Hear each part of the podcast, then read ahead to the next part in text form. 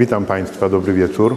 Będziemy się poruszać w tej pięknej galerii e, w czasie przeszłym dokonanym, bo tak trzeba chyba się odnieść do wieków średnich e, i ludzi, którzy w nich e, tworzyli te arcydzieła. Gdybyśmy uruchomili naszą wyobraźnię i w nasze miejsca zaprosili autorów tych dzieł, a przede wszystkim tych, dla których były wykonane, a więc ludzi średniowiecza i zapytali, czego nam zazdroszczą w tym momencie, tu dzisiaj, w tym miejscu tej wspaniałej galerii, okazałoby się, że zazdroszczą nam przede wszystkim jednego. Niczym nieograniczonego, dowolnego w czasie, bliskiego w kontakcie, obcowania z wizerunkami świętych wykonanych dłutem i pędzlem artystów, eksponowanych w tych wspaniałych nastawach ołtarzowych, rzeźbach, figurach. Bo w tym czasie, gdy oni ich czcili i w tym czasie, gdy podziwiali ich nieziemskie piękno, mogli to robić z racji wielkich świąt i uroczystości. Te ołtarze skrzyniowe, szafiaste, tryptyki, poliptyki większą część roku liturgicznego były zamknięte. Niedostępne oczom widzących, tak jak dla nas niebo jest niedostępne dzisiaj.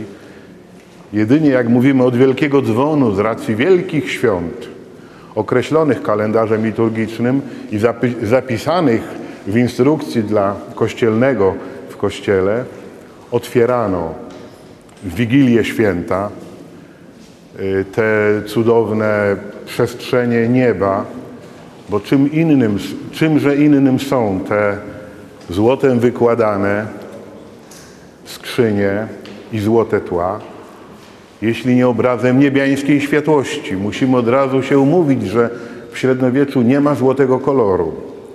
Złoto jest symbolem światłości nieba, rzeczywistości nie z tej ziemi, czyli światłości samego Boga. No to drugie pytanie, w takim razie czego my im możemy zazdrościć, będąc dzisiaj na ich miejscu, bo przed tymi wspaniałościami. Po pierwsze chyba wiary w rzeczywistą możliwość obcowania ze świętymi w ich rzeźbionych i malowanych wizerunkach. Dla ludzi średniowiecza każdy kształt określający świętego był utożsamiany z jego obecnością. My nie mamy takiej relacji. Patrzymy na to jako na dzieła sztuki. Historycy sztuki będą je klasyfikować w szkoły, w grupy, w typy. Będą badali dukt szaty Madonny, szukając warsztatu, który ją wykonał. Tymczasem dla adresatów tych dzieł były to rzeczywiście obecne święte osoby. Drugim, czego możemy im pozazdrościć czego chyba nam brakuje, to e, absolutnej świadomości tego, że świętość jest obecna w sakrum. A więc, że to, co święte albo konsekrowane jako święte, uczestniczy bezpośrednio w świętości samego Boga i tą świętością emanuje, że jest bezpośrednim właściwie pośrednikiem łaski Bożej, która przez świętych i ich relikwie wstępuje tu na ziemię. Tego chyba nam też brakuje. A jakże charakterystyczna jest y, wypowiedź jednej z dam z czasów karolińskich, która w swoim testamencie prosiła męża i swoich bliskich, aby ją pochowano na cmentarzu przy ścianie kościoła bezpośrednio pod okapem, aby choć jedna kropla deszczu padająca z konsekrowanej budowli świątyni spadła na jej grób, bo uświęcona będzie niosła ulgę w jej cierpieniach czyśćcowych. Myślę, że nam takiej wiary w krople deszczu spadającą z kościoła też brakuje. Wizerunki świętych, które będziemy oglądać, jak powiedziałem, były dla ludzi średniowiecza ich obecnością. Obecnością, w której obecna była świętość Boga i Jego łaska.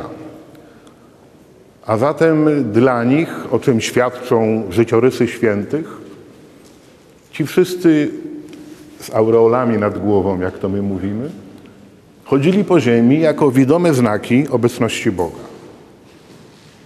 I życiorysy opisane obfitują w cudowne zdarzenia, które za ich przyczyną Bóg dokonywał na ziemi. Gdy umarli, nierzadko śmiercią męczeńską, ich święte dusze wróciły do Boga i doznają szczęśliwości nieba. Na ziemi pozostały ich święte ciała i święte wizerunki. Jedne i drugie promieniowały łaską i tą łaskę ludziom zapewniały. Stąd szukano kontaktu albo z wizerunkiem świętego, a najlepiej z jego relikwiami. Święty Jan Damasteński w VIII wieku powiedział bardzo wyraźnie, czym są relikwie. Pan Jezus dał nam relikwie świętych jako zbawienne źródła, z których spływają na nas dobrodziejstwa Jego łaski. Aby mówić o relikwiach, trzeba zacząć od najświętszej relikwii, tej najważniejszej dla chrześcijaństwa po dziś dzień, jaką jest zbawczy, Chrystu, zbawczy krzyż Chrystusa. Krzyż, który jako najcenniejsza relikwia jest pamiątką zbawienia, pamiątką Jego męki, pamiątką odkupienia. Został odnaleziony w roku 326 przez świętą Helenę, matkę Konstantyna Wielkiego, w czasie jej słynnej pielgrzymki do miejsc świętych w Ziemi Świętej, kiedy to matka cesarza y, poleciła odnaleźć miejsca pamięci Chrystusa, które Rzymianie przysypali ziemią, starali się zatrzeć. Po zdobyciu Jerozolimy przez wojska Hadriana w 70 roku to miasto właściwie zostało przez Rzymian nie tylko spacyfikowane, ale również splantowane, miejsca kultu y, zatarte. W każdym bądź razie z polecenia cesarzowej rozpoczęto prace archeologiczne, wykopaliskowe, byśmy dzisiaj powiedzieli. Chrześcijanie pamiętali, gdzie był grób Chrystusa, gdzie była grota w Betlejem, gdzie były te pamiątki życia Zbawiciela. I w czasie tej eksploracji odsłonięto grób Chrystusowy, a obok grobu w cysternie, czyli w pieczarze skalnej, która po dziś dzień w Jerozolimie w Bazylice Grobu istnieje, odnaleziono krzyż Chrystusa i krzyże Łotrów. Tak podają świadkowie. Między, między innymi relacja Sokratesa Syryjczyka, później świętego Ambrożego. Powstał problem, który krzyż jest prawdziwy, skoro trzy fragmenty znaleziono. I tu relacje są rozbieżne, ale zgodne co do tego, że dokonano sądu Bożego nad tymi e, znaleziskami. Według jednej e, relacji cesarzowa kazała, kazała przynieść e, chorego na noszach do tego miejsca. Według innej zatrzymano kondukt pogrzebowy i przyniesiono mary ze zmarłym. W obu przypadkach dotykano chorego czy też martwego tymi kawałkami y, krzyża i krzyż prawdziwy dokonał cudu. W jednej relacji uzdrowił chorego, w drugiej wskrzesił zmarłego. Dla naszych rozważań najważniejsze jest to, że ten moment pokazał, iż święta relikwia męki Chrystusa, mająca kontakt z Jego ciałem, jest źródłem mocy, świętej mocy. I to, jest, to się stało właściwie uniwersalnym wzorem dla rozumienia relikwii w średniowieczu. Są nie tylko świadkami święto, świętego życia świętych, ale przede wszystkim są źródłem mocy, która z nich promieniuje. Te relikwie podzielono na trzy części, mówię o relikwiach krzyża. Największą pozostawiono w Jerozolimie, jedną część odesłano do Konstantynopola, Trzecią część złożono w Rzymie, gdzie są po dziś dzień w Bazylice y, Krzyża Jerozolimskiego. Jest również mowa o tym, że z tych relikwii krzyża oddzielono małe fragmenty, którymi obdzielono kościoły na całym świecie, oczywiście w ówczesnym świecie chrześcijańskim IV wieku. I proszę Państwa, te relikwie krzyża y, oczywiście traktowano jako największy skarb, ale również traktowano jako źródło następnych relikwii, bo każdy, kto miał kontakt ze świętością, stawał się świętym, a więc każdy fragment drewna, każdy krzyżyk, którym dotknięto prawdziwych relikwii, stawał się per kontaktum, przez kontakt, uświęcony mocą tych relikwii, czyli stawał się relikwią drzewa Krzyża Świętego. Tu odpowiedź dla wszystkich, którzy twierdzą, że gdyby, jak chociażby Wojżeleński, zgromadzić z całego chrześcijańskiego świata te drzazgi i relikwie Krzyża Świętego, okazałoby się, że nie będzie kościoła, który by pomieścił taką konstrukcję. Odpowiedź jest ta, którą udzieliłem, że te wszystkie relikwie w najświętszej wierze pozyskiwano przez kontakt z prawdziwymi relikwiami. I tu jesteśmy u początku właściwie procesu narastania kultu świętych pamiątek Chrystusa, Jego życia, Jego męki i Jego świętych, bo te relikwie drzewa Krzyża Świętego nie tylko uroczyście czczono w dniu konsekracji Bazyliki w Jerozolimie, Bazyliki Krzyża, Mauzoleum Grobu Chrystusa i miejsca Golgoty, wystawiono je po raz pierwszy na widok publiczny. To, to był rok 335. Wtedy wierni długo y, adorowali krzyż, dotykając, całując te relikwie. My dzisiaj czynimy to w Wielki Piątek i to jest pamiątka tego wydarzenia wciąż obecna w życiu Kościoła. Te relikwie nie tylko uroczyście trzon, ale przede wszystkim uroczyście przechowywano i oprawiano. I pierwsze relikwiarze drzewa Krzyża Świętego, zwane staurotekami, po grecku stauros, znaczy krzyż, a, a zatem są to po prostu relikwie krzyża, stauroteki. Te pierwsze relikwie drzewa Krzyża Świętego przybierają kształt samego krzyża. A więc są to kompozycje krzyżujących się dwóch linii, pionu i poziomu, ale przyozdobione arcybogato złotniczo, a więc obłożone złotem drogimi kamieniami, klejnotami, ponieważ ten krzyż nie był rozumiany w swoich początkach jako narzędzie męki, tortury, cierpienia Chrystusa, tylko widziano w nim od początku jako y, symbol triumfu, chwały i zwycięstwa. I te pierwsze stauroteki, czyli relikwiarze drzewa Krzyża Świętego o jego kształcie, nazywamy crux gemmata, a więc krzyż wysadzany drogimi kamieniami, czyli klejnot. I tak go widzieli chrześcijanie pierwszych wieków, i właściwie na początku trudno by szukać śladów kultu męki pańskiej, rozpamiętywania cierpień Chrystusa, choćby takiego wizerunku, jak tu nad nami jest y, prezentowany i otwiera jako arcydzieło kolekcję tych arcydzieł w nowo otworzonej galerii. Ale to, co ważne w tym procesie, który w tej chwili próbuję bardzo streścić, to to, że relikwie drzewa Krzyża Świętego swoją treścią nadały kształt relikwiarzowi. Bo te crux gemmata, te pierwsze stauroteki, bogato dekorowane złotem i klejnotami, naśladowały to, co zawierały.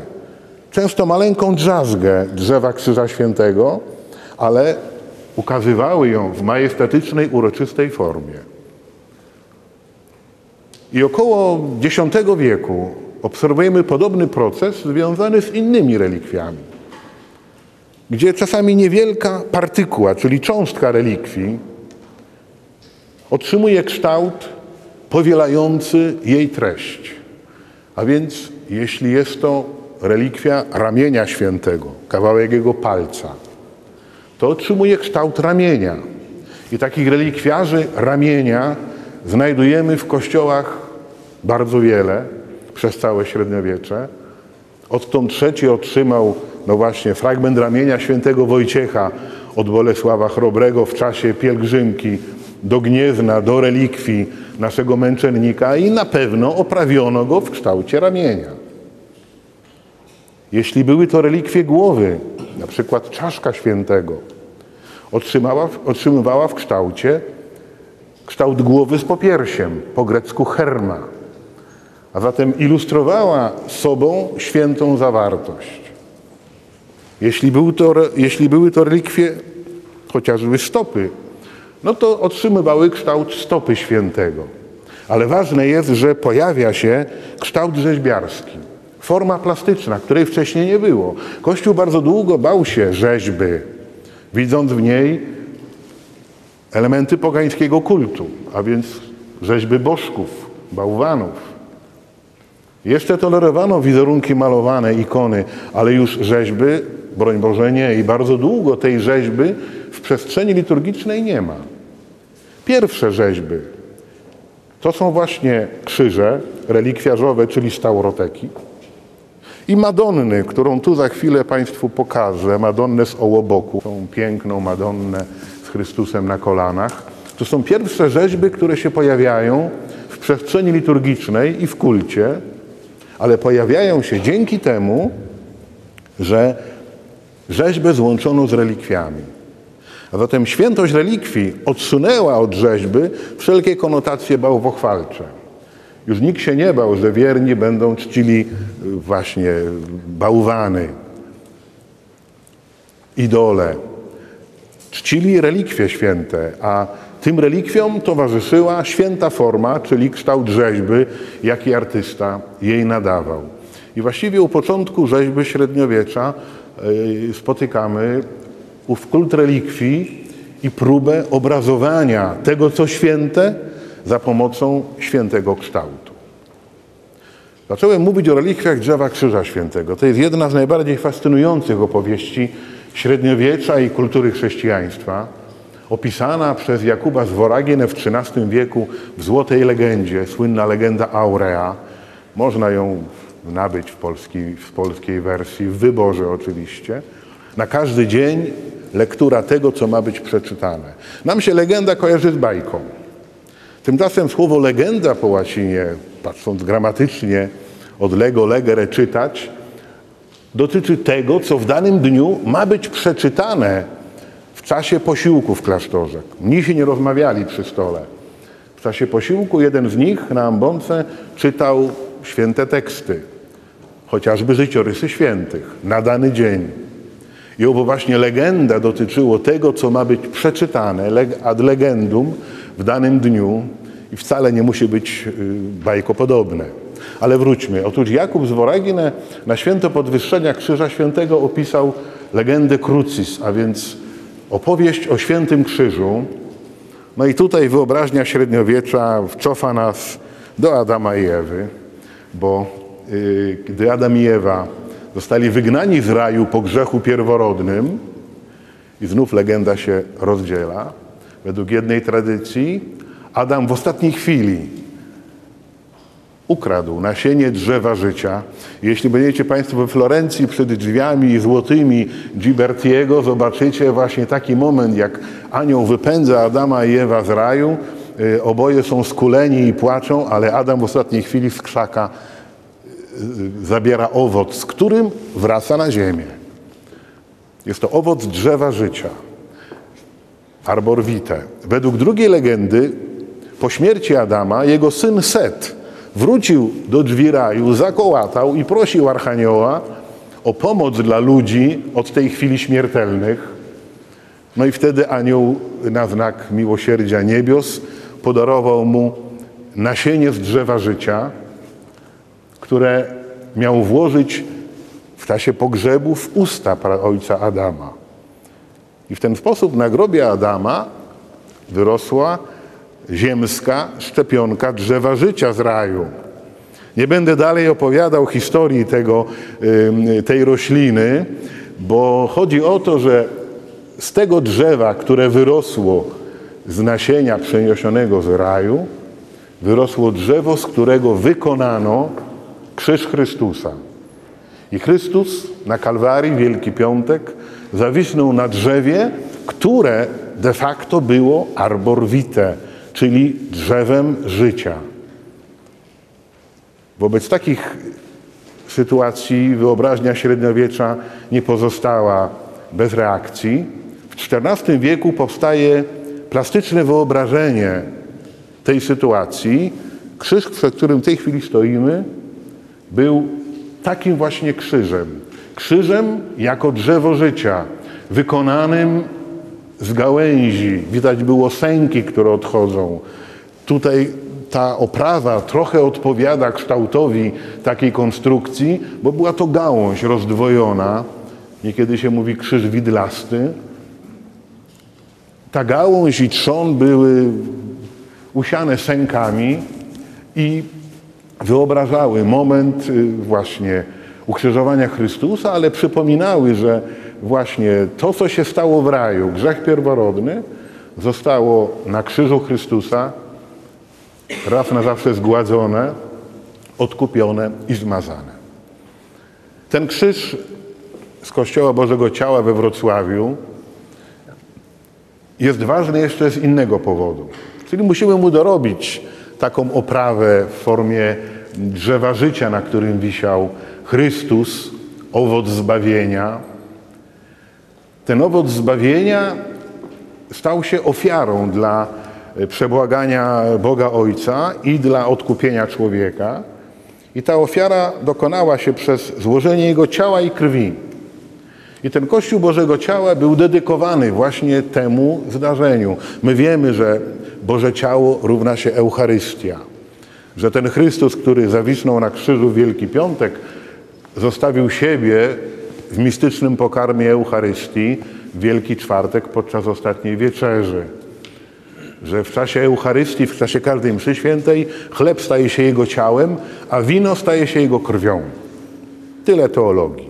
Gdy się przyjrzymy temu Chrystusowi, bez trudu zauważymy, że z Jego boku tryska girlanda kropi krwi, tudzież z Jego ran dłoni podobnie.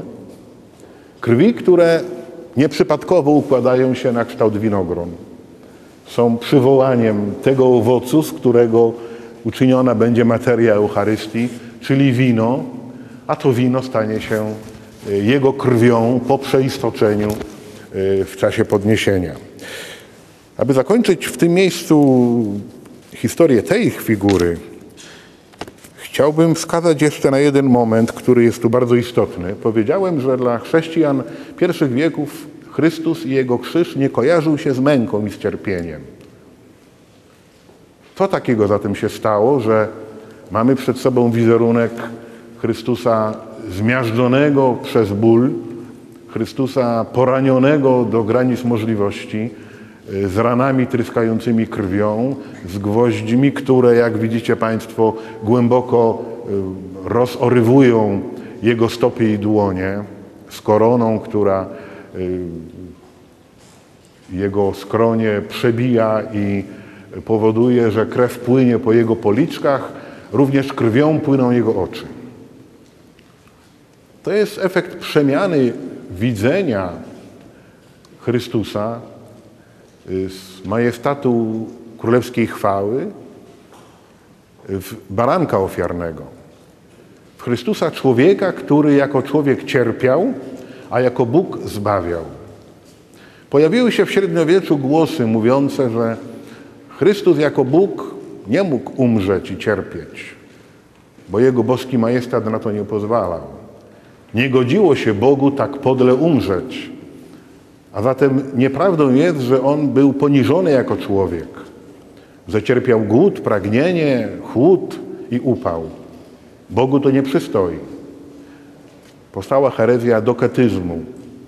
Po, po grecku dokein to tyle co udawać, pozorować, która mówiła, że Chrystus wydawał się być człowiekiem, że Chrystus y, dla ludzi robił wrażenie, że jest człowiekiem, a tak naprawdę on pozostawał sobą, Bogiem, a to, co widzieli, to pewna zjawa, e, pewna imitacja natury ludzkiej, o tak bym to powiedział. I wtedy, aby temu przeciwdziałać, zaczęto w katechezie Kościoła, w nauczaniu coraz bardziej akcentować ludzki wymiar Chrystusa, Jego ludzką naturę, Jego człowieczeństwo, nie tylko bóstwo. I, I, właśnie y, efektem tego, że był człowiekiem, jest również to, że jako człowiek umarł. Umarł naprawdę. Mistycy zwłaszcza rozpoczęli y, w swoich opowiadaniach, w swoich wizjach prezentować Chrystusa jako y, cierpiącego, Chrystusa jako tego, który oddaje życie z miłości i znakiem tej miłości jest cierpienie i śmierć. Zacytuję Państwu fragment takiego mistycznego tekstu dominikańskiego mistyka Henryka Suzo, który umiera w roku 1366, a więc mniej więcej około połowy XIV wieku dzieje się to wydarzenie duchowe. Henryk Suzo w swojej wizji widzi Chrystusa wiszącego na krzyżu i słyszy z jego ust takie słowa. Gdym wisiał na wysokiej gałęzi drzewa, z nieskończonej miłości do Ciebie i wszystkich ludzi, całe moje ciało zostało boleśnie skrzywione. Moja boska głowa pochyliła się z bólu i cierpienia. Moja czysta barwa wyblakła. Patrz, moje piękno umarło, zupełnie i całe. Tak jak gdybym nie był piękną mądrością. Słuchając tego tekstu i patrząc na ten krucyfiks z Wrocławia, trudno oprzeć się wrażeniu, że rzeźbiarz, mistrz, który go wykonał i ten, który mu zlecił to dzieło, takiego Chrystusa mieli przed oczyma. Ten tekst jest bodajże komentarzem do cudownej mistyki tego dzieła.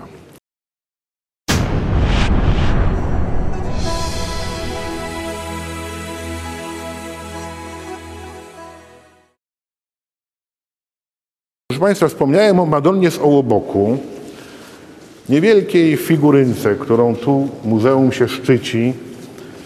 To jest jedna z najstarszych rzeźb maryjnych, jakie w Polsce posiadamy. Rzeźba o charakterystycznej formie. Tak wyglądały najstarsze figury Matki Bożej w kościołach. W Polsce, we Francji, w Niemczech, w Hiszpanii, we Włoszech. Prezentowały Maryję jako sedes sapientiae, czyli tron mądrości. Maryja jako Matkę Boga, Teotokos po grecku, Sobór w Efezie w roku 431 oficjalnie jako dogmat uznał, że Maryja jest Teotokos, a więc jest matką Boga i matką człowieka.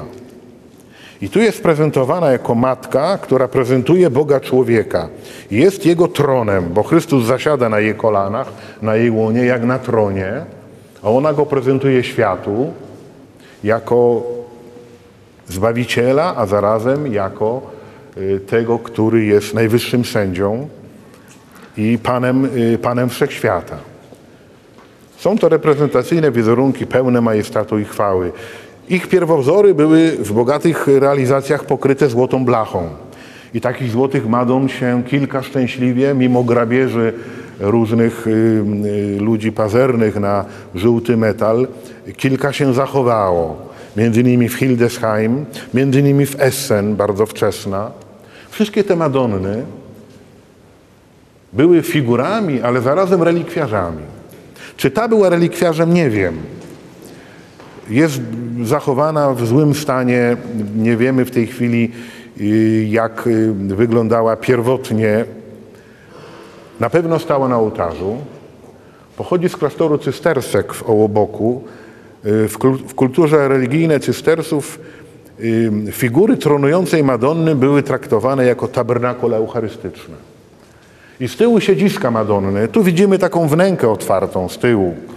Brakuje zamknięcia, dlatego przypuszczam, że to jest albo niekompletne, albo wcale nie musiało być tak, jak w innych klasztorach y, miało miejsce, ale na pewno te tego typu figury pełniły funkcję maryjnych, tabernakuli, byśmy dzisiaj powiedzieli.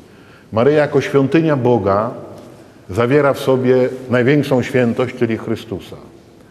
I ona tutaj, będąc figurą, jest zarazem tą, która strzeże świętości, czyli Eucharystii. I właśnie w tych figurach, w rezerwakulum z tyłu tronu, i Madonna z Hildesheim taką sytuację posiada. I wiele temu podobnych rzeźb, które w XIII wieku produkują chociażby warsztaty w Limoges,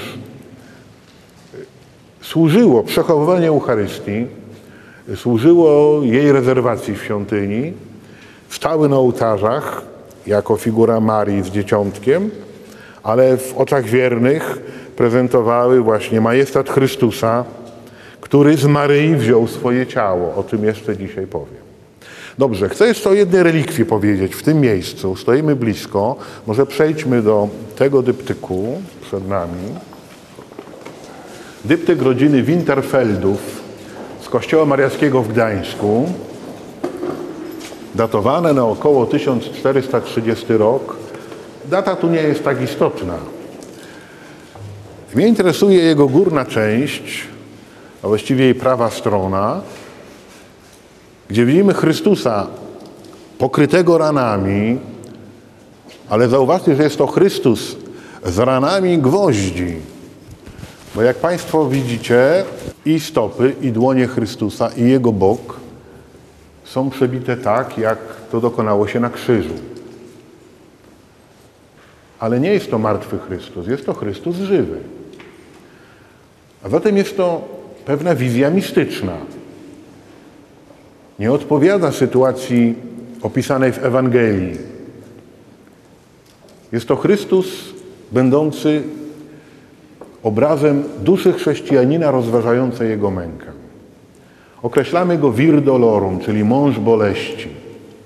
Tak jak go Izajasz opisuje i Wielki Piątek będziemy słyszeć ten tekst o mężu boleści zmiażdżonym cierpieniem, niepodobnym do człowieka. Cała historia rozpoczyna się cudownym zdarzeniem, które według tradycji miało mieć miejsce za czasów papieża Grzegorza Wielkiego, a więc na początku VII wieku, który celebrując Eucharystię jako następca Chrystusa i głowa Kościoła, w czasie ceremonii przeistoczenia miał wśród wiernych osobę, mówi się, że była to kobieta, nieważne kto. W każdym razie był ktoś, kto wątpił w to, iż tu na ołtarzu dokonuje się przemiana chleba w ciało, a wina w krew Chrystusa. I że On tu jest prawdziwie obecny. I właśnie wtedy, jak mówi jedna z wersji tej historii, oczom papieża i wiernych ukazał się Chrystus umęczony, właśnie jako mąż boleści, jako vir dolorum, pokazujący siebie żywego, a zarazem siebie umęczonego. Jak Państwo widzicie, ten Chrystus stoi przed kielichem, do którego z jego ran tryskają strugi krwi. Na sąsiednim y, przedstawieniu tablicowym z brzegu dodana jeszcze jest hostia do tego samego rozwiązania ikonograficznego. Dla wiernych była to właściwie jednoznaczna definicja prawdy Eucharystii. W Eucharystii dokonuje się cud przemiany chleba w ciało, a wina w krew Chrystusa. Jest to to ciało i ta krew, która były, które były złożone w ofierze na krzyżu, gdzie dokonało się nasze zbawienie. A jak się dokonało to zbawienie? No właśnie tak, że Chrystus pokonał, śpiewamy w pieśni, zwycięstwa śmierci, piekła i szatana. Pokonał te wartości, które grzech pierworodny sprowadził jako ciężar na człowieka przez swoją mękę i śmierć. A więc jest zwycięskim rycerzem, w języku średniowiecza wyrażając tę prawdę. I pojęcie rycerza wiąże się z jego orężem, bo przecież rycerz nie walczy gołą ręką. Ma do tego zbroję, ma do tego swoje y, narzędzia walki, uzbrojenie. Średniowieczni teologowie i malarze za ich y, podpowiedzią zaczęli wyobrażać Chrystusa w otoczeniu jego zwycięskiego oręża. Określa się, określa się to jako arma Christi, czyli oręż Chrystusową. I tu macie Państwo herb Chrystusa, bo przecież rycerz nie mógł być bez herbu. I tu mamy herb Chrystusa skomponowany syntetycznie ujętych narzędzi Jego męki, a zatem jest tu krzyż, kolumna biczowania, bicze, którymi był raniony, gwoździe, które tkwią w belkach krzyża i wreszcie Jego zbawcza dłoń, jako klejnot tego herbu z koroną cierniową, która błogosławi światu. Jeszcze jedna oręż, jeszcze jeden oręż tu jest przedstawiony, nada- nadnaturalnej wielkości, bo prawie tak wielka jak sam Chrystus, lanca, a właściwie sam jej grot, włócznia. Państwo się pewnie, być może, kojarzy jej kształt z włócznią świętego Maurycego, jeden z najstarszych klejnotów koronnych Polski Rzeczypospolitej, Polski Piastowskiej, przechowywany dzisiaj na katedrze w, Wawe, w katedrze wawelskiej. Rzeczywiście jest to włócznia świętego Maurycego, jedna z najbardziej znanych, właściwie z najsłynniejszych relikwii męki pańskiej, nie mówiąc o oczywiście krzyżu Chrystusowym w Europie. Uważana w średniowieczu od XIII wieku jako y, włócznia Longinusa, a więc setnika, który włócznią przebił bok Chrystusa na krzyżu po jego śmierci. Wtedy wypłynęła krew i woda. A zatem jako włócznia, która miała kontakt z ciałem i krwią Chrystusa, więc była uświęcona przez kontakt z jego y, zbawczym ciałem. Ta włócznia od VIII wieku jest w posiadaniu dynastii Karolingów i pozostaje właściwie jako insygnium cesarstwa, świętego cesarstwa rzymskiego narodu niemieckiego. Dzisiaj przechowywana jest w skarbcu w Hofburgu w Wiedniu, w skarbcu cesarskiej rezydencji. Pomijam historię z nią związaną, ale w tej włóczni, obok tego, że sama jest y, y, relikwią męki pańskiej, w tej włóczni, jak w relikwiarzu, umocowany jest złotymi i srebrnymi drucikami gwóźdź, którym Chrystus miał być przybity do krzyża. A więc ta włócznia stawała się czymś niezwykłym. Każdy cesarz obejmując y, swoją godność otrzymywał tą włócznię. Tą włócznię niesiono przed cesarzem w czasie uroczystych ceremonii. Z kopią tej włóczni kazał się pochować Karol Wielki. Jak wiemy, został pochowany w Akwizgranie w pozycji siedzącej w szatach cesarskich na tronie z tą włócznią obok niego, a więc jako cesarz. I kiedy odtąd III nawiedził relikwię świętego Wojciecha w Gnieźnie w roku tysięcznym, aby przy tej okazji ustanowić naszego księcia Bolesława Chrobrego królem, to właśnie na znak królewskiej godności i wyróżnienia jego osoby wręczył mu kopię tejże włóczni. I ta kopia po dziś dzień jest na Wawelu. Możemy ją, będąc w Krakowie, podziwiać. A tu widzimy, że przedstawił ją malarz jako cenną relikwię związaną z tajemnicą tego, co właściwie dzieje się w tym przedstawieniu, a więc z tajemnicą krwi Chrystusa, Jego śmierci i zbawienia. I zwróćcie uwagę Państwo, że dla ludzi w średniowieczu to przedstawienie włóczni było równoznaczne z jej świętą mocą. A więc kontakt z tą włócznią w jej wizerunku był taki sam jak kontakt z jej relikwią w faktycznym jej przedstawieniu. Ci, którzy nawiedzali świątynię, w której ta włócznia była eksponowana najdłużej w Norymberdze, zabierali ze sobą druk pamiątkowy. Dzisiaj byśmy powiedzieli obrazek sanktuarium z przedstawieniem między innymi tej włóczni. Zabierali ją jako relikwię. Na pewno te obrazki były w jakimś kontakcie fizycznym z tą relikwią, a my już wiemy, że wszystko, co dotyka świętości, staje się święte. A zatem wystarczyło dotknąć taką relikwią, takim obrazkiem świętej włóczni, aby ten obrazek stawał się równie święty jak, jak ona sama. I tu mamy okazję zobaczyć to, czego nas na co dzień zazwyczaj w średniowieczu nie oglądano, bo ten, bo ten y, tryptyk był po prostu zamykany. Widzimy zresztą, że mógł być otwierany w różnych kombinacjach. Można było pokazać samą scenę ukrzyżowania, otwierając górne skrzydła, albo świętą zawartość po otwarciu y, uroczystym jego wnętrza. Ale nie o tym chcę mówić w tym momencie. Ten tryptyk z Pruszcza Gdańskiego jest doskonałym przykładem dzieła w średniowieczu niezwykle popularnego, związanego z Chrystusem, Jego męką, ale też jest życiem świętych i ze świętymi relikwiami, a właściwie najświętszą z relikwii, jaką pozostaje święta ziemia. A zatem ziemia, gdzie Chrystus narodził się, gdzie żył, gdzie umarł, gdzie zmartwychwstał i wstąpił do nieba. Ziemia, w której rzeczywiście dostrzegano wszystkie elementy tajemnicy zbawienia.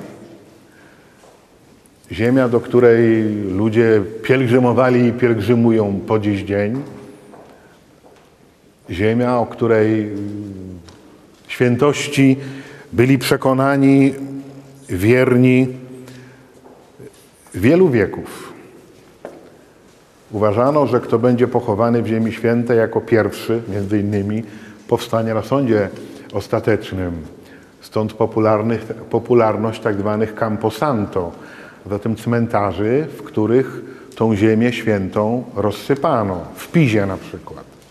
Krzyżowcy, których okręty przewoziły do Ziemi Świętej, zostawiali te okręty pustymi.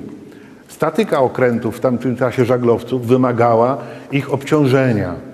Jako obciążenie ładowano worki z ziemią świętą. I tą ziemię świętą między innymi rozsypano na cmentarzu w Pizie i słynne Camposanto obok katedry w Pizie i słynnej Krzywej Wieży i Baptysterium było jednym z najbardziej pożądanych miejsc pochówku y, w Europie. Y, my mamy również, y, również taką okoliczność w Polsce. Arcybiskup Jan Łaski, pochowany w katedrze gnieźnieńskiej, twórca kodyfikacji polskiego prawa, wielki człowiek renesansu, humanista. Jak podaje kronika katedry gnieźnieńskiej, został pochowany w Ziemi Świętej, którą sam przywiózł i polecił rozsypać na swoim grobie. To jest tylko dowód tej pamięci. Ale ja chcę mówić o Ziemi Świętej w inny sposób. O Ziemi Świętej jako pamiątce męki Chrystusa, a zwłaszcza Jerozolimie jako mieście, w którym ta męka się dopełniła. Nie wszyscy wierni mogli do, na pielgrzymkę wyruszyć. Zwłaszcza kiedy po upadku Królestwa Jerozolimskiego muzułmanie definitywnie przejęli y, w posiadanie Ziemię Świętą i podróż była utrudniona przez, przez jakiś okres niemożliwa, a później bardzo skomplikowana. Nie będę w to wnikał. Pozostało z jednej strony pragnienie bycia w tych miejscach świętych, a po drugi, z drugiej strony no właśnie tęsknota do y, pamiątek owej, y, owych świętych zdarzeń.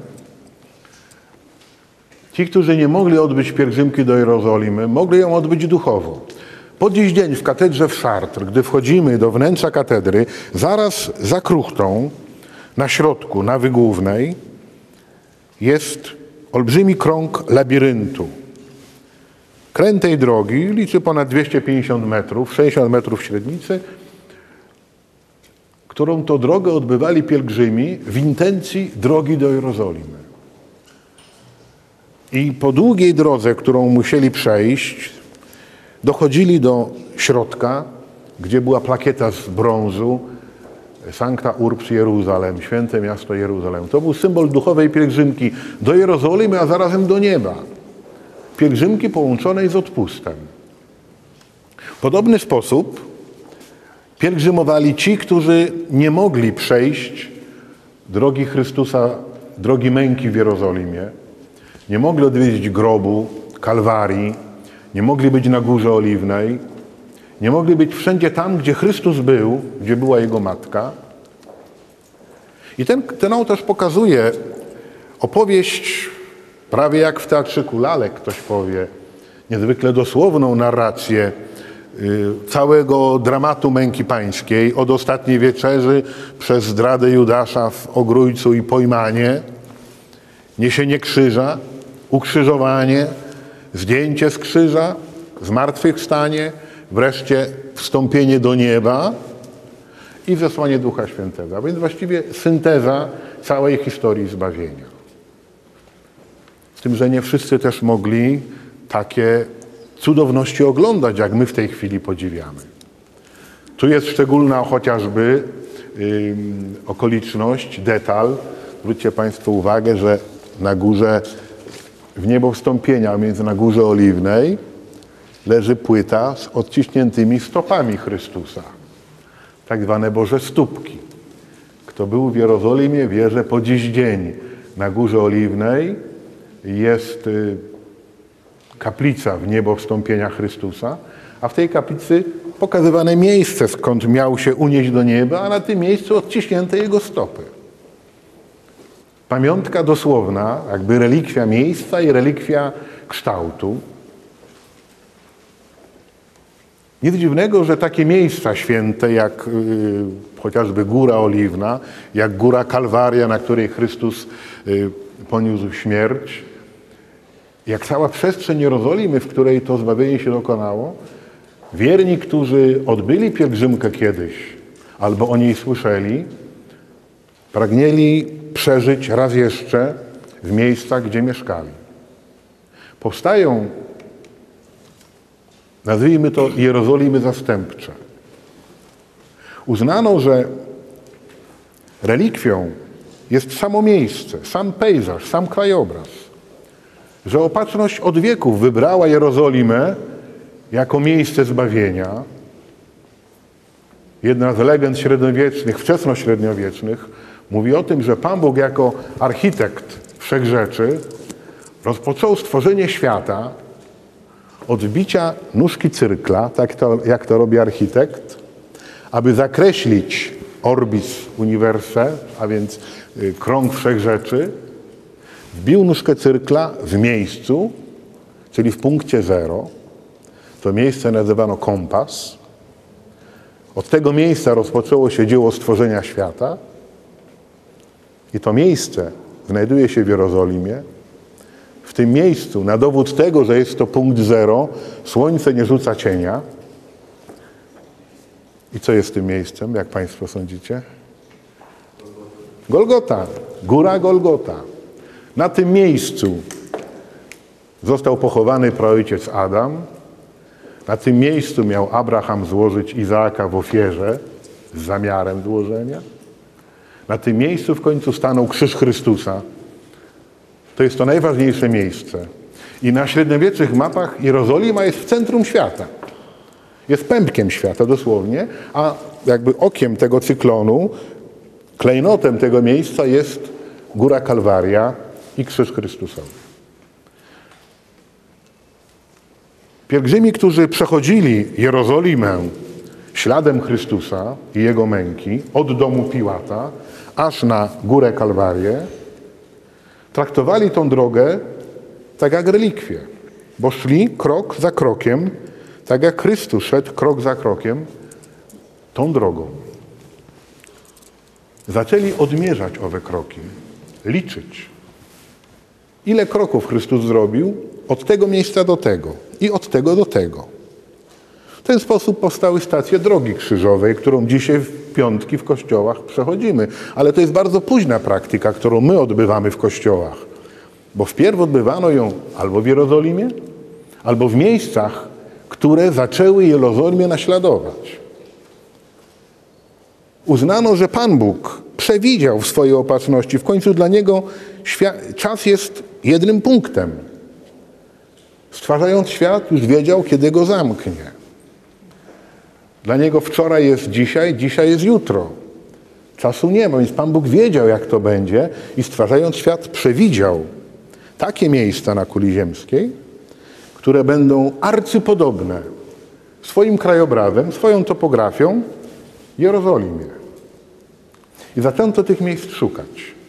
Pielgrzymi wracając z Ziemi Świętej, no właśnie odkrywali dosłownie. Przecież u nas są trzy góry, tak jak w Jerozolimie. Góra Oliwna, Góra Synaj i Golgota. A między tymi górami płynie strumień, tak jak potok Cedron w Jerozolimie. Co więcej, od naszego kościoła parafialnego do tej góry, która ma być Golgotą, jest 1100 kroków. A tyle było od domu Piłata, czyli od pretorium, na Golgotę. Nic więcej nie trzeba, jak tylko te kroki dalej policzyć i określić, że tutaj Chrystus spotkał swoją matkę, tu upadł po raz pierwszy i tak dalej, i tak dalej. Tak powstały Kalwarie, czyli właściwie Jerozolimy w terenie, gdzie lokowano górę Kalwarię z krzyżem i kopię grobu Chrystusa. Żeby nie być gołosłownym, przyniosłem starą książeczkę do nabożeństwa, muszę się w inne okulary uzbroić, z której przeczytam tylko fragment dwóch stacji. To jest, to jest y, książeczka do odbywania stacji Drogi Krzyżowej, podpisana w ten sposób. Droga Krzyża Jezusa Chrystusa od domu Piłata na górę, na górę Kalwaryi aż do grobu świętego. 14 stacji w sobie zawierająca. Stacja 13. Jezus z krzyża zdjęty. To jest 13 stacja od miejsca krzyżowego, daleka 13 kroków, pokazująca miejsce, gdzie było zdjęte ciało Chrystusowe z krzyża przez Józefa i Nikodema. I tak dalej. Stacja 14. To jest 14 stacja, która zawiera w sobie 30 kroków i znaczy grób Chrystusa Pana od góry Kalwarii do grobu Chrystusa w Jerozolimie są 43 kroki.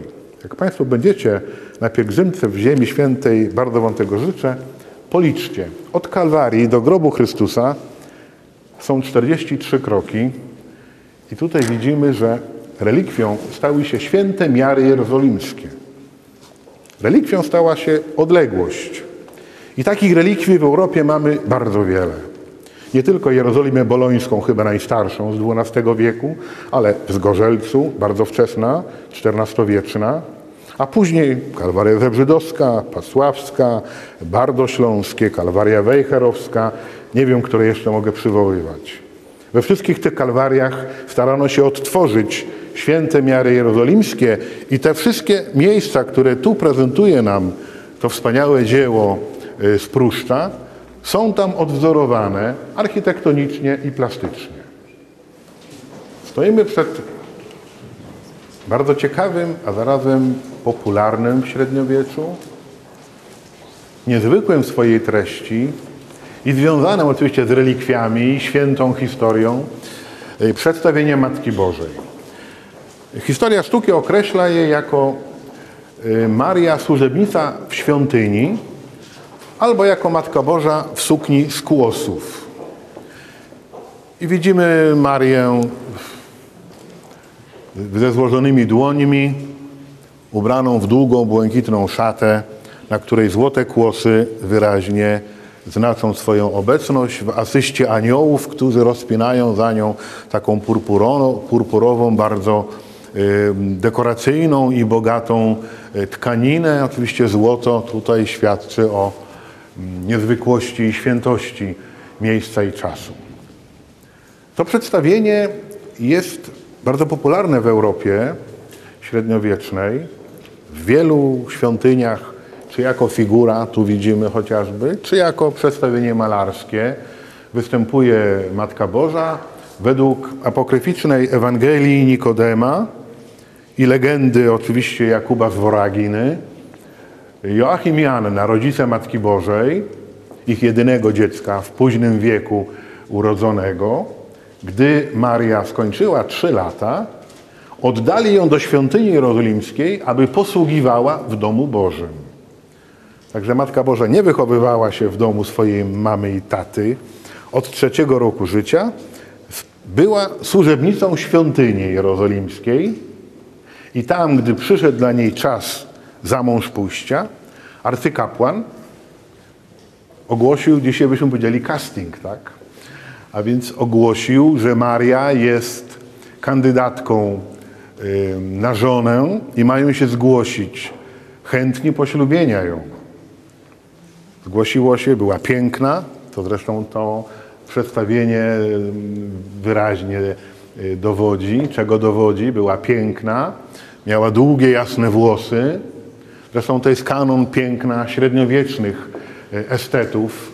Tak wyglądały piękne damy w średniowieczu. Matka Boża nie może być brzydsza od, od najpiękniejszej damy dworu, czyli Miss Europa byśmy dzisiaj powiedzieli, prawda?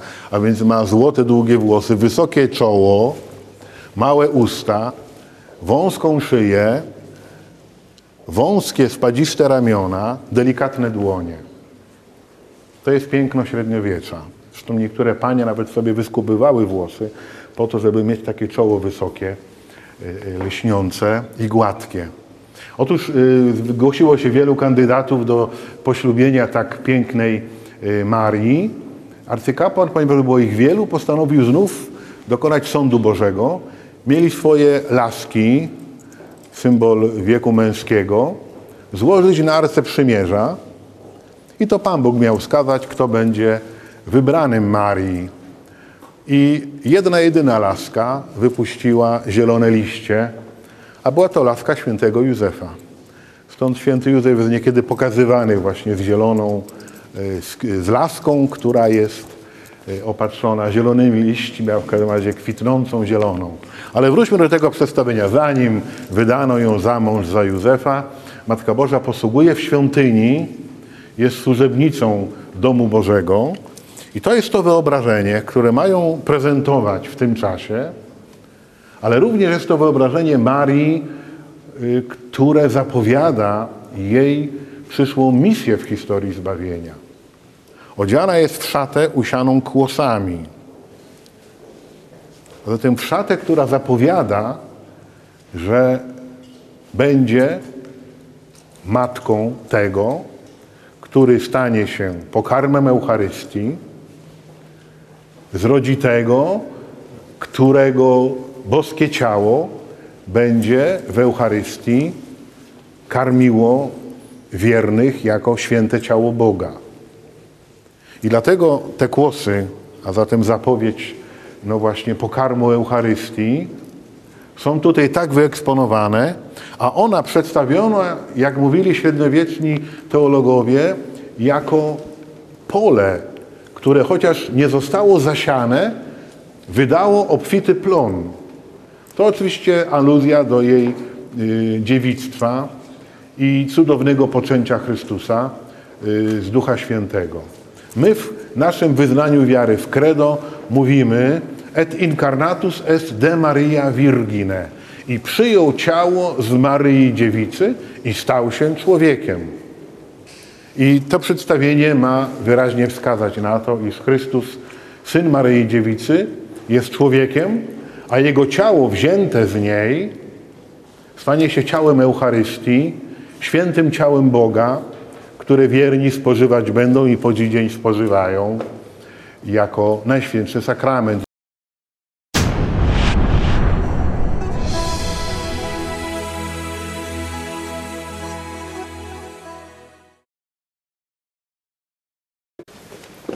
W dalszej części ekspozycji nie można mówić o średniowieczu bez właśnie aspektu kultu relikwii i kultu Eucharystii jako dwóch bardzo istotnych obszarów duchowności i pobożności ludzi średniowiecza. Bo właściwie średniowiecze zrodziło kult Eucharystii takim, jaki dzisiaj w Kościele Rzymskim jest y, przeżywany, y, jaki my przeżywamy w naszej pobożności.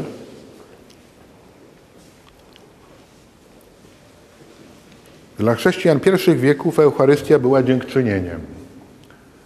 Spotykali się na mszy świętej, powiedzielibyśmy, w czasie której łamano chleb,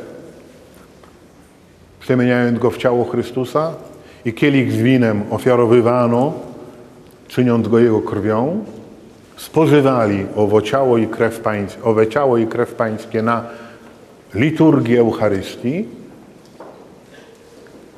W pierwszych wiekach zabierali cząstki tego chleba do domu w czasie prześladowań, bo nie wszyscy mogli we mszy świętej uczestniczyć, a wszyscy bardzo chcieli komunię przyjmować, żyli Eucharystią, chcieli mieć ją przy sobie.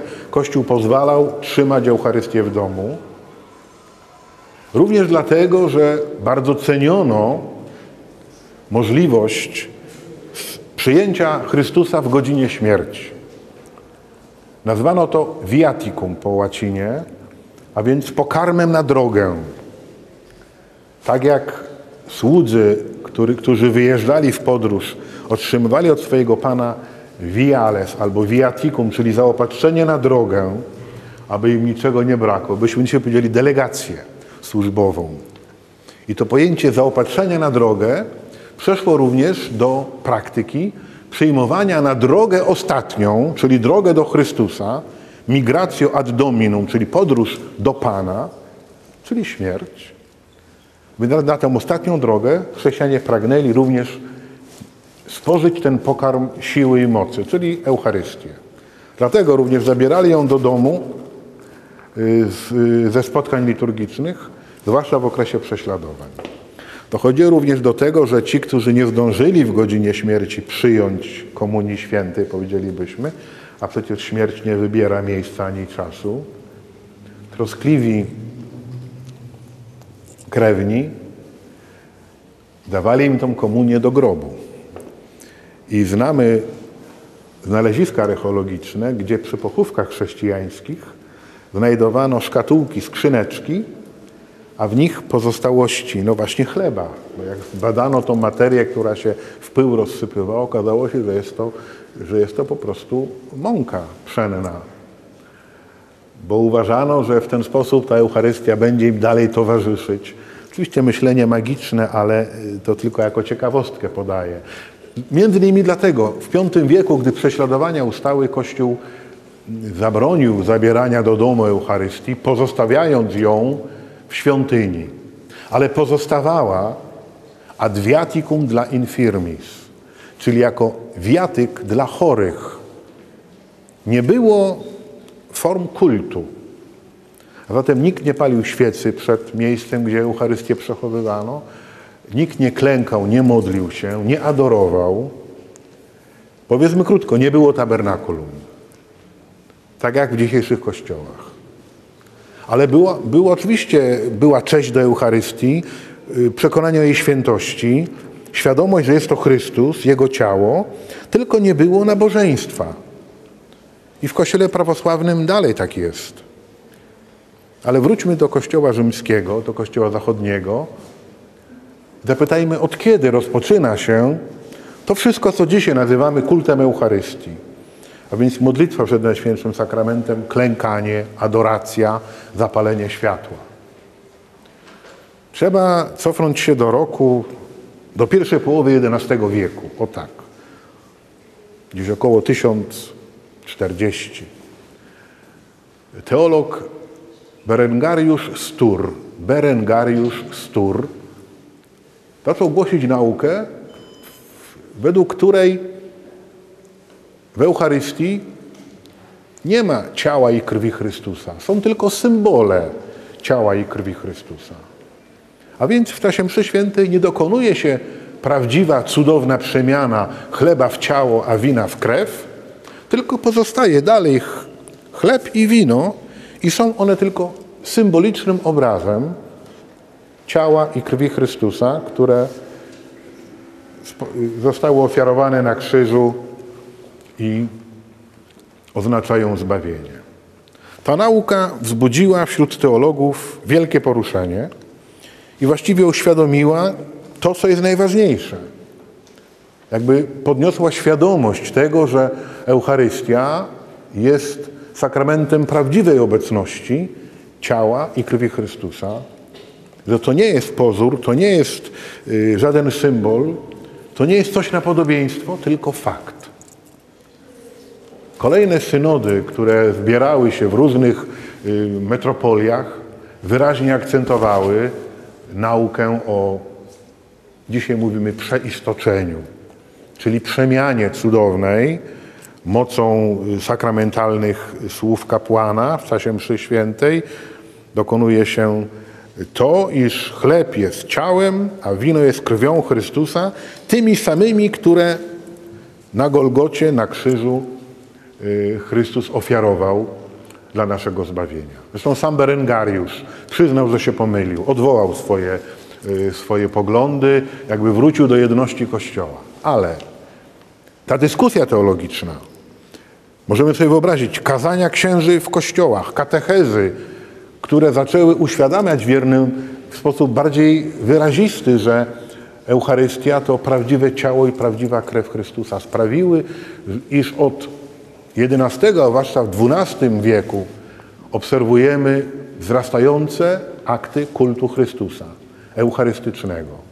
Przed miejscem, gdzie w kościele przechowuje się Eucharystię, dalej jako wiatyk dla chorych, zaczyna się przyklękać, zapalać świece.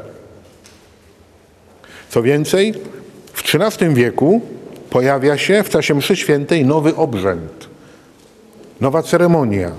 Gdy kapłan dokona przeistoczenia, czyli przemiany chleba w ciało, a wina w krew, pokazuje wiernym efekt tego cudu.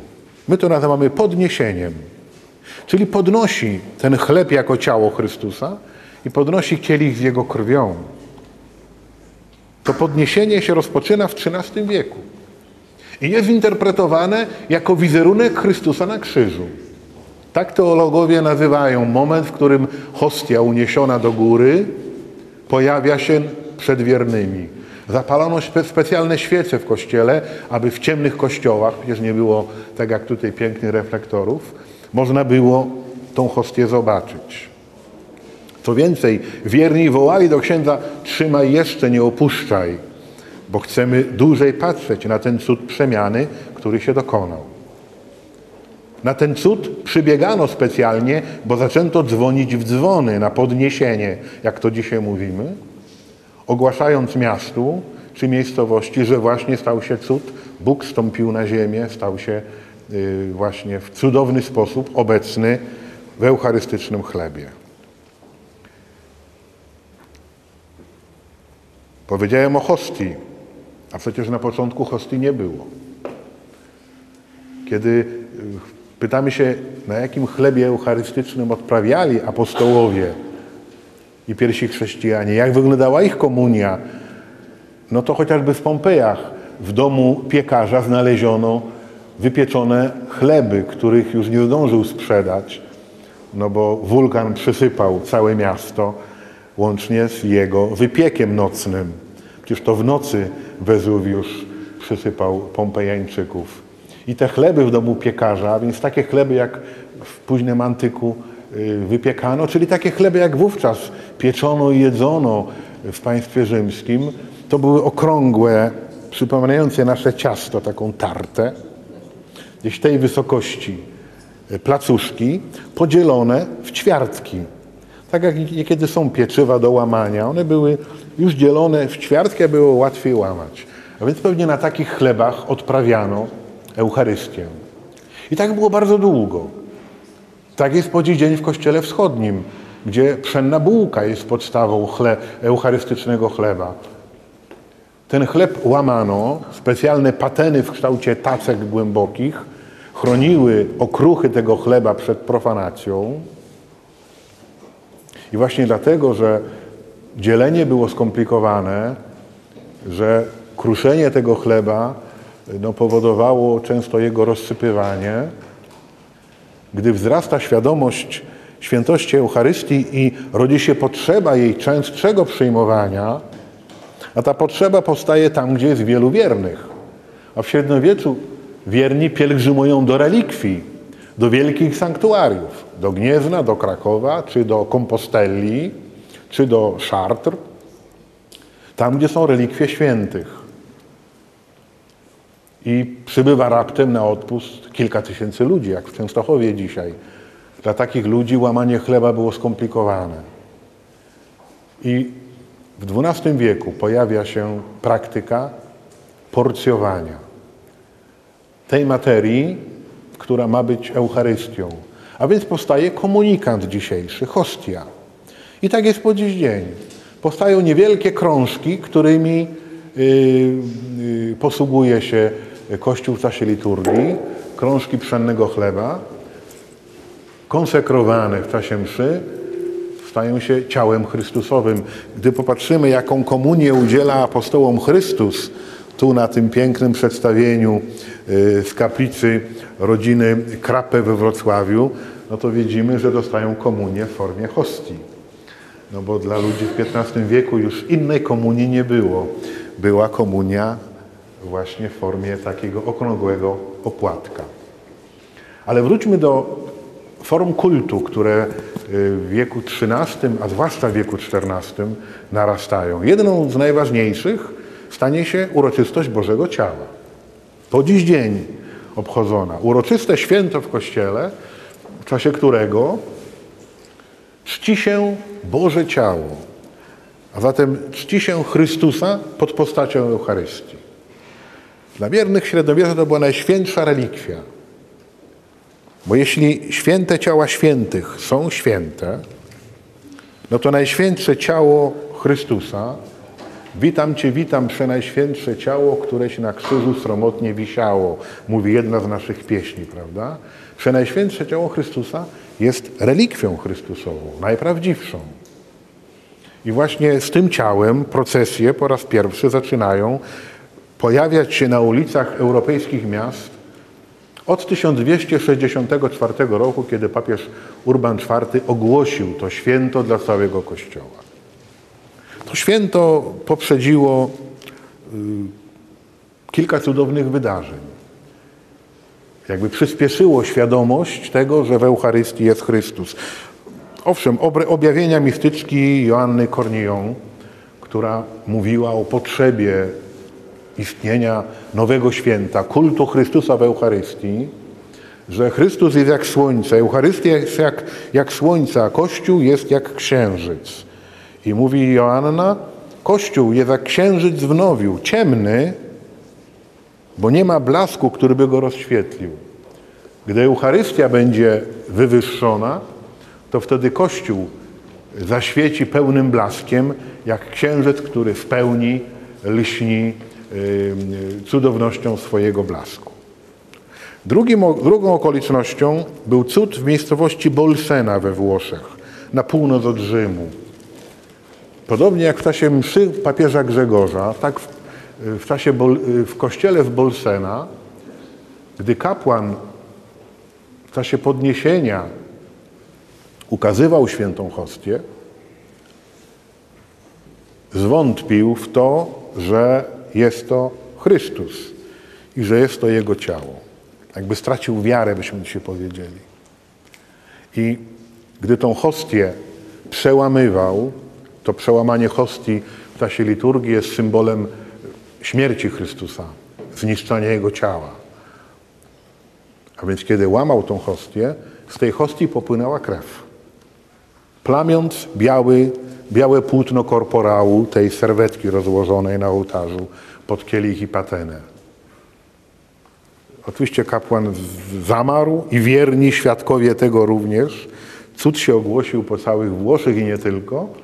Jakby na nowo jeszcze uświadomił, że Eucharystia to ciało Chrystusa. Dosłowne i bez żadnego e, przenoszenia ani symbolizmu. Ten korporał po dziś dzień jest y, przechowywany w katedrze w w pięknym relikwiarzu. I ten y, fakt, o którym mówię, a zatem potrzeba wywyższenia Bożego Ciała, pragnienie wiernych oglądania, bo to, co dotyczy relikwii i Eucharystii w średniowieczu, to potrzeba kontaktu, zwłaszcza wizualnego. Widzenia tego, co święte. Rodzi się praktyka, po łacinie ona mądrze brzmi manducatio per visum manducatio per visum, czyli dosłownie spożywanie przez patrzenie. My to dzisiaj nazywamy praktyką komunii duchownej. Ci, którzy nie mogli przyjąć hostii naprawdę, czyli komunii, budzili wewnętrzne pragnienie spożywania Chrystusa. A to pragnienie spełniali przez patrzenie na hostię. Mówili, Chryste, przyjdź do mnie, zapraszam Cię, pragnę, abyś był ze mną, tak jak w momencie przyjęcia Komunii Świętej. Wierzę, że jesteś obecny w Najświętszym Sakramencie. Chcę, abyś przyszedł do mnie i ze mną był. W tej chwili oczywiście upraszczam, ale chcę pokazać istotę tej praktyki. I z tej praktyki komunii duchowej zrodziło się wystawienie Najświętszego Sakramentu. A więc to, co dzisiaj w Kościele jest. Czyli podniesienie zatrzymane w czasie. Bo kapłan, który w czasie podniesienia tą hostię pokazywał, był proszony, nie opuszczaj jeszcze, jeszcze pokaż, jeszcze nie, jeszcze podtrzymaj. Chcemy widzieć to, co się stało, czyli przemianę chleba w ciało Chrystusa. I wierni pragnący to podniesienie zatrzymać, czyli być dalej świadkami cudu, stworzyli praktykę adoracji Najświętszego Sakramentu, dla której było potrzebne nowe naczynie. Przecież kapłan nie mógł stać pół dnia z hostią w ręku. Powstaje nowy sprzęt liturgiczny, nazywany mądrze ostensorium. Ostendo ostendere, podobnie jak monstro monstrare, to tyle, co pokazywać, prezentować. Ostentacja właśnie, demonstracja, pochodne stąd. Ostensorium, czyli monstrancja eucharystyczna. Nowy sprzęt przygotowany do tego, aby można było go ustawić na ołtarzu i dać wiernym możliwość oglądania świętej hostii. A po to, żeby była widzialna, musi być to naczynie przeźroczyste. W tym czasie opanowano technikę obróbki kryształów górskich, minerału po dziś dzień występującego w naturze. I z tych kryształów górskich tworzono eucharystyczne ostensoria, czyli specjalne pojemniki, w których hostia była zamknięta, bezpieczna, widoczna i możliwa do pokazania. I tu Państwo macie takie ostensorium w gablocie pokazane. Wygląda jak niewielka wieżyczka. Tam brakuje klosza w środku i uchwytu, w którym ta hostia byłaby prezentowana. Zwróćcie uwagę, że kształt wieżyczki, która y, nadany jest temu ostensorium, w niczym nie przypomina naszych monstrancji, które wyglądają jak złote słońca. Nasze monstrancje opowiadają o Eucharystii jako słońcu, o tym słońcu, które widziała e, nasza mistyczka Joanna w XIII wieku. I te monstrancje słoneczne są właściwie kontynuacją tej treści teologicznej. Tymczasem pierwsze monstrancje i naczynia eucharystyczne dotyczyły tajemnicy zbawienia. Określały y, to, co się dzieje z ciałem Chrystusa. Skoro na ołtarzu dokonuje się powtórzenie ofiary krzyża, czyli Chrystus po raz drugi składa swoje ciało i krew w ofierze, a podniesienie to jest ukazanie Chrystusa na krzyżu, zatem ta Eucharystia, która pozostaje po mszy świętej, jest ciałem Chrystusa, które pozostało po ofierze krzyża. A po ofierze krzyża ciało, które pozostało, złożono w grobie. A zatem te naczynia eucharystyczne zaczęto postrzegać jako miejsce, gdzie składa się jak w grobie ciało Chrystusa. Nazywano je Novum Sepulcrum Jezu Christi, czyli nowy grób Jezusa Chrystusa. A grób Chrystusa w Jerozolimie, o czym wszyscy pielgrzymi zapewniali, był wykuty w skale na podobieństwo wieży. Bo tak sobie interpretowali kształt kaplicy grobu Chrystusa w mauzoleum Anastazis pod tą olbrzymią kopułą, którą Konstantyn przykrył kaplicę grobu Chrystusa. Ta kaplica w średniowieczu po okresie krzyżowców była zwieńczona niewielką latarenką, która przypominała kształt wieży i dla wiernych grób Chrystusa równał się turris, czyli wieża. I te nowe groby Chrystusa, czyli naczynia eucharystyczne, otrzymują kształt wieży, turris. I nasze ostensorium, tutaj pokazane w gablocie, taki kształt właśnie prezentuje. Kształt wieży, podobnie jak puszka na komunikanty obok, wieloboczna, brakuje jej przykrywy, zwieńczenia. Ta przykrywa była w kształcie stożkowego dachu wieży z dachówkami wyrytymi przez złotnika, często z okienkami, z krzyżykiem na górze.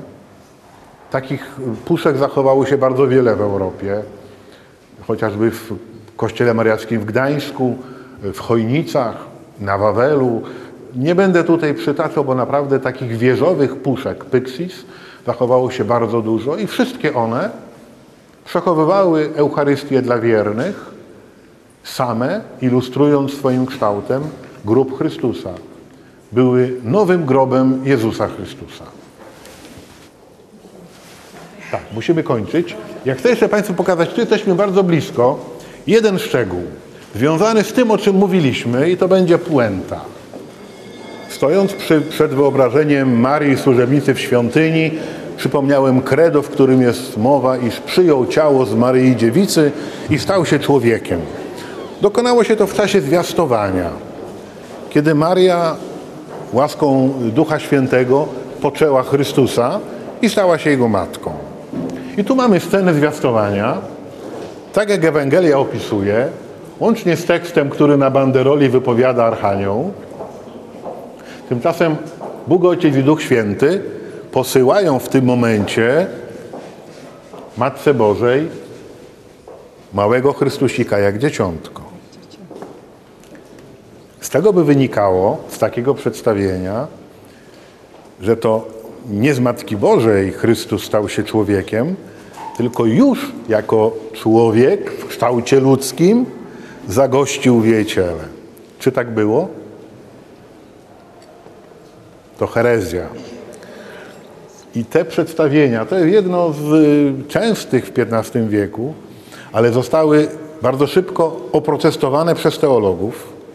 A Sobór Trydencki wyraźnie w komentarzach późniejszych wskazał jako błędne przedstawienie właśnie takie y, zwiastowania, bo ono właściwie godziło przede wszystkim w Eucharystię. Bo skoro Chrystus już w ciele ludzkim wstąpił na ziemię, zatem z Marii ciała nie przyjął, a to ciało ludzkie nie było ciałem ludzkim. Zatem Chrystus nie był prawdziwym człowiekiem. Tu próbowano sobie to po ludzku wyobrazić. Jak widzimy, ta wyobraźnia za daleko zaprowadziła e, artystę i jego, i jego zleceniodawcę i stworzono wręcz dosłowną opowieść z dzieciątkiem Jezus w roli głównej, a zatem on powinien być stąd usunięty i wtedy treść byłaby poprawna. Dobrze, to był taki mały akcent na zakończenie. Bardzo dziękuję Państwu za uwagę.